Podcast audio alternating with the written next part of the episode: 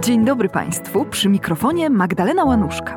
W dzisiejszym odcinku mojego cyklu podcastów Sztuka Powszechnie Nieznana postanowiłam zaprosić Państwa do nowego muzeum w Krakowie, a mianowicie do Muzeum w Klasztorze Ojców Dominikanów. Opowiem Państwu, że ja się szczególnie cieszę, kiedy powstają tego typu placówki, ponieważ mnóstwo dzieł sztuki dawnej znajduje się w klasztorach i te dzieła są zazwyczaj niedostępne nawet dla historyków sztuki, nie mówiąc już o szerszej publiczności. Na szczęście coraz częściej kolekcje kościelne są poddawane konserwacjom, digitalizacjom, stają się obiektami badań w nowych projektach i w efekcie udaje się je potem udostępnić. W polskich klasztorach znajdują się zarówno wspaniałe dzieła lokalnych twórców, jak i wysokiej klasy importy artystyczne, często z bardzo odległych ośrodków europejskich. Zajrzyjmy zatem do krakowskich Dominikanów.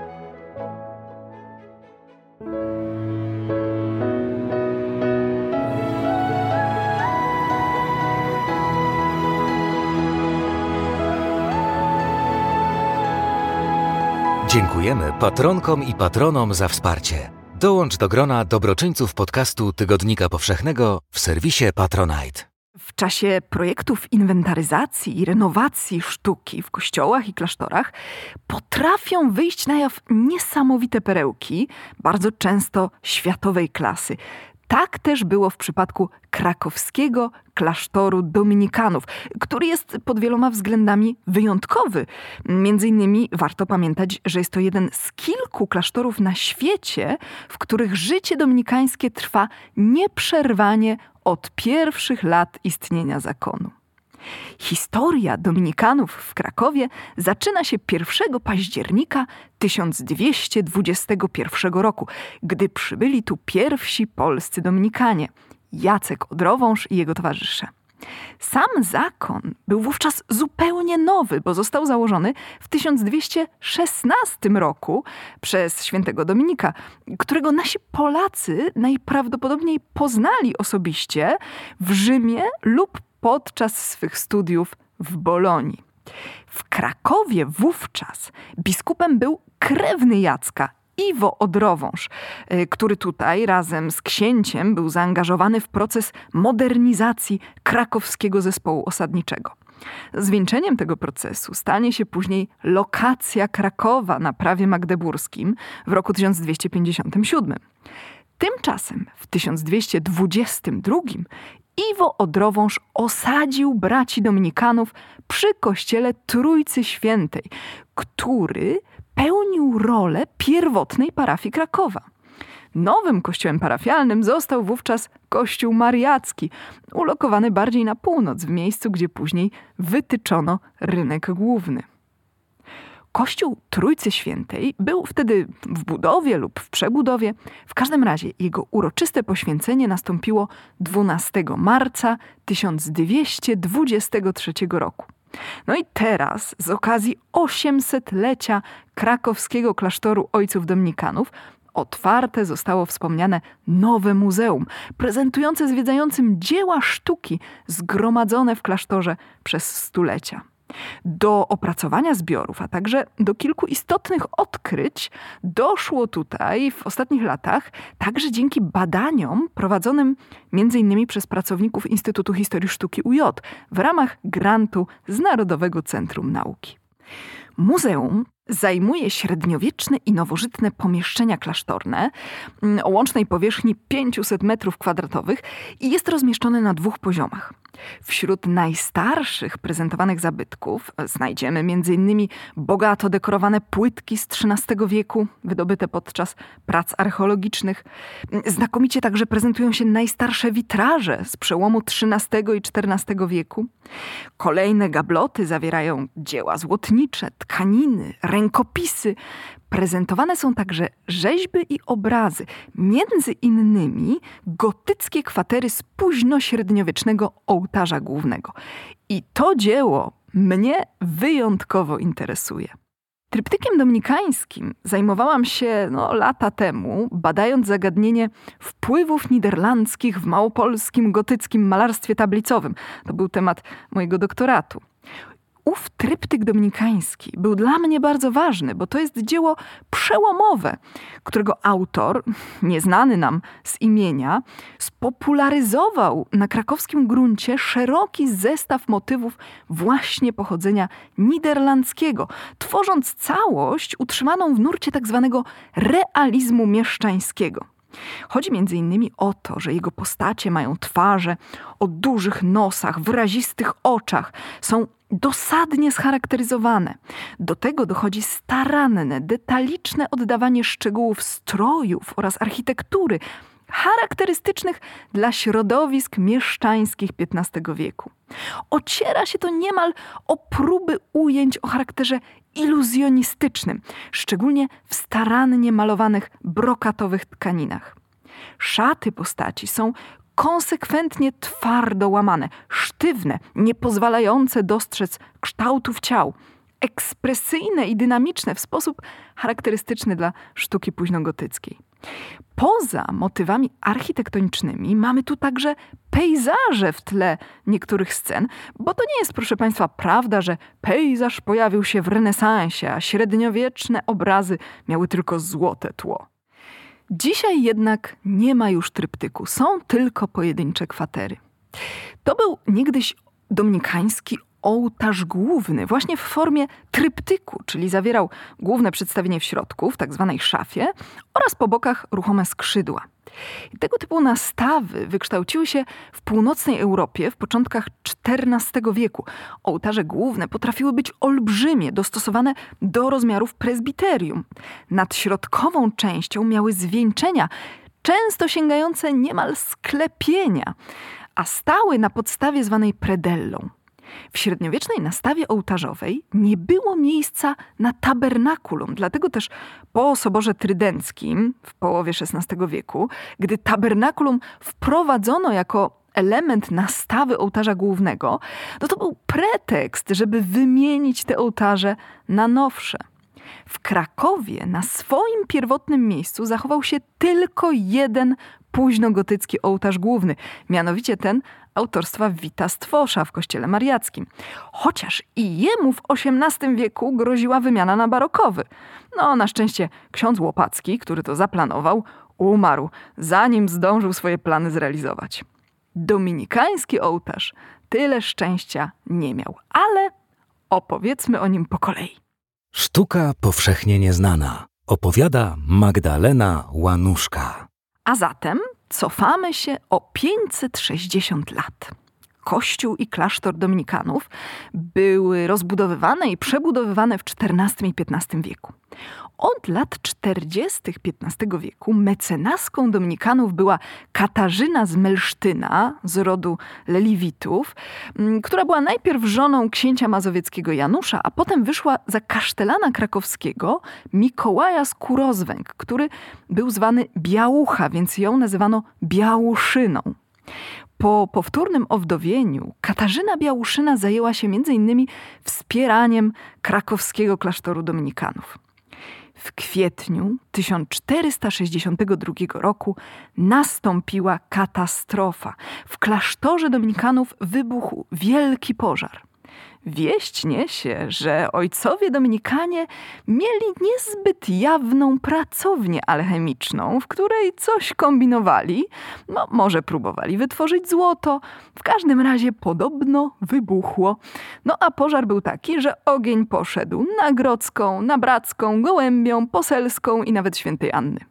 Nie wiem, czy to było dla Dominikanów jakimś pocieszeniem, ale przy okazji udało im się spalić zabudowania franciszkanów i nawet pałac biskupi.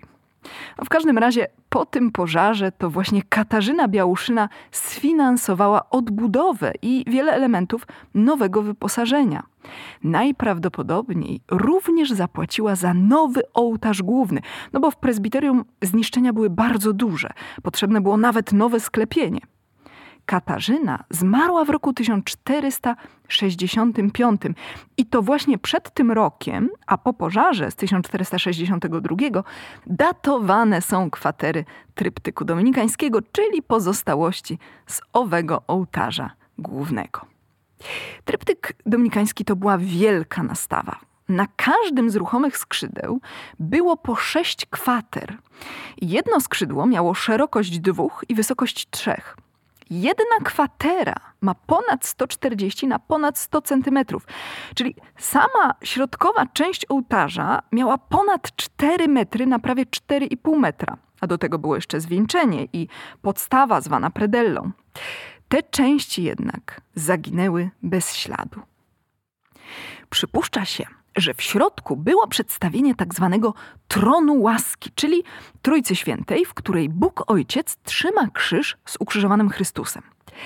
Jest to prawdopodobne dlatego, że cykl pasyjny na awersach kwater, czyli widoczny przy otwartym ołtarzu, nie zawiera przedstawienia ukrzyżowania, więc pewnie było w środku. A jednocześnie, jako że Kościół jest pod wezwaniem Trójcy Świętej, no to powinna ona była znaleźć się w środku głównego ołtarza. Tron łaski jest swego rodzaju połączeniem obu tych przedstawień. Na dwóch skrzydłach było z każdej strony po 12 scen. Jak przed chwilą wspomniałam, w otwarciu ołtarza był cykl pasyjny, który dobrze komponował się z domniemanym przedstawieniem środkowym. Zaś po zamknięciu ołtarza widoczny był cykl maryjny od zwiastowania i scen z dzieciństwa Chrystusa po pogrzeb Matki Boskiej. Warsztat nieznanego nam z imienia mistrza tryptyku dominikańskiego no, musiał być jedną z najważniejszych krakowskich pracowni. Z niego także wyszła gotycka nastawa ołtarza głównego z krakowskiej katedry, no, też zresztą do dziś niezachowana. A dlaczego dominikański ołtarz nie przetrwał? No, w latach 1607 do 1611 gruntownie odnowiono kościół i niestety wstawiono nowy ołtarz główny, który zresztą spalił się w 1668. Tymczasem kwatery ze skrzydeł ze starego gotyckiego ołtarza przeniesiono do kościoła świętego Idziego, który od końca XVI wieku pozostawał pod patronatem dominikanów. To był niestety los bardzo wielu późnogotyckich wielkich ołtarzy. Usuwano je nie tylko ze względu na wymogi posoborowe, ale także no, jako przestarzałe, żeby po prostu wymienić je na nowe. Najczęściej te stare trafiały na prowincje albo do pomniejszych świątyń i kaplic, a ponieważ były za duże do mniejszych kościołów, to rozkładano je na kawałki i poszczególne kwatery służyły jako pojedyncze obrazy. Jeśli chodzi o kwatery dominikańskie, to od XVII wieku wisiały sobie w kościele świętego Idziego pod Wawelem. No i niestety od ścian nabrały wilgoci. Kwatery są dwustronnie malowane i ta strona, która przylegała do ściany, ulegała stopniowemu zniszczeniu. Jedna z dwunastu kwater nie przetrwała. Zostało jedenaście. Zabrano je stamtąd w roku 1901 i przeniesiono do Zakładu Historii Sztuki UJ. Kwatery podzielono na dwie grupy. Od 1909 roku sześć z nich pozostaje jako depozyt w Muzeum Narodowym w Krakowie.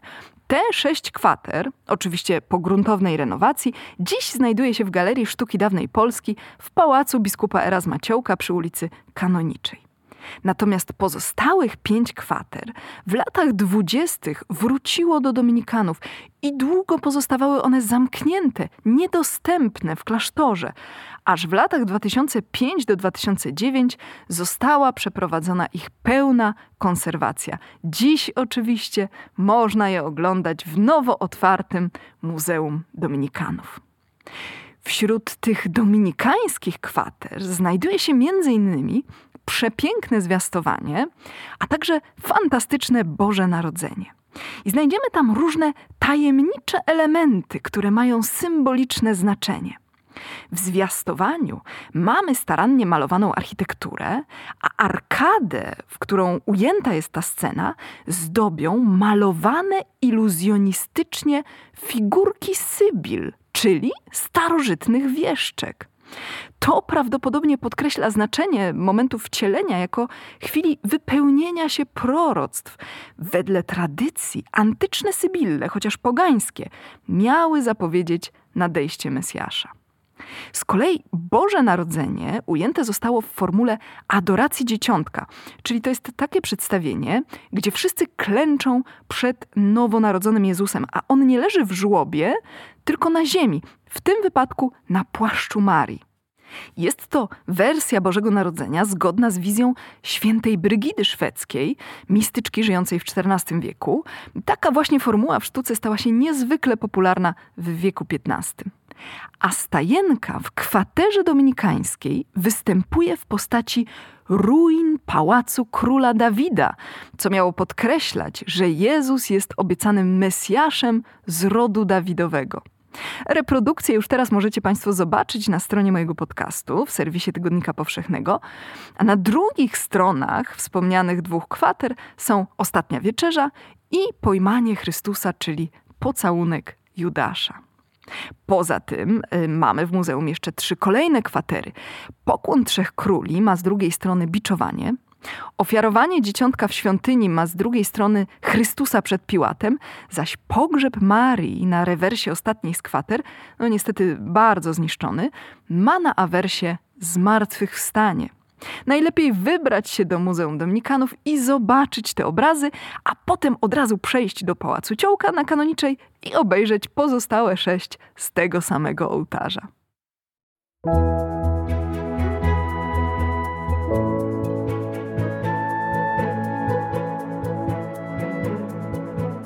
Oczywiście nowe Muzeum Dominikanów i jego zbiory, o to jest materiał na więcej niż jeden podcast. Myślę, że wkrótce opowiem Państwu o kolejnych skarbach, które są tam prezentowane. Ekspozycja nie jest dostępna przez cały tydzień, ale od czwartku do soboty i na wejście należy się umówić na miejscu lub online przez stronę muzeumdominikanów.pl.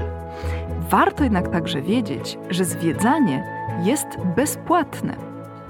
A skoro wspomniałam o kwestii finansowej, to chciałabym jeszcze teraz bardzo podziękować patronom i patronkom Tygodnika Powszechnego, wszystkim, którzy wspierają Tygodnik Powszechny, nie tylko w serwisie Patronite, ale także po prostu kupując wydanie papierowe, czy też wykupując dostęp online.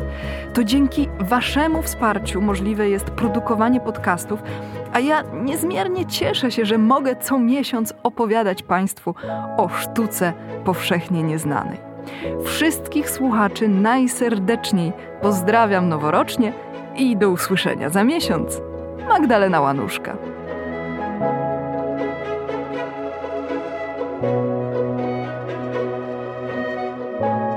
Jeśli słuchają nas Państwo w Spotify albo w Apple Podcast, zasubskrybujcie nasz kanał. Jesteśmy też w Google Podcast i w aplikacji Lekton oraz na www.tygodnikpowszechny.pl/podcast.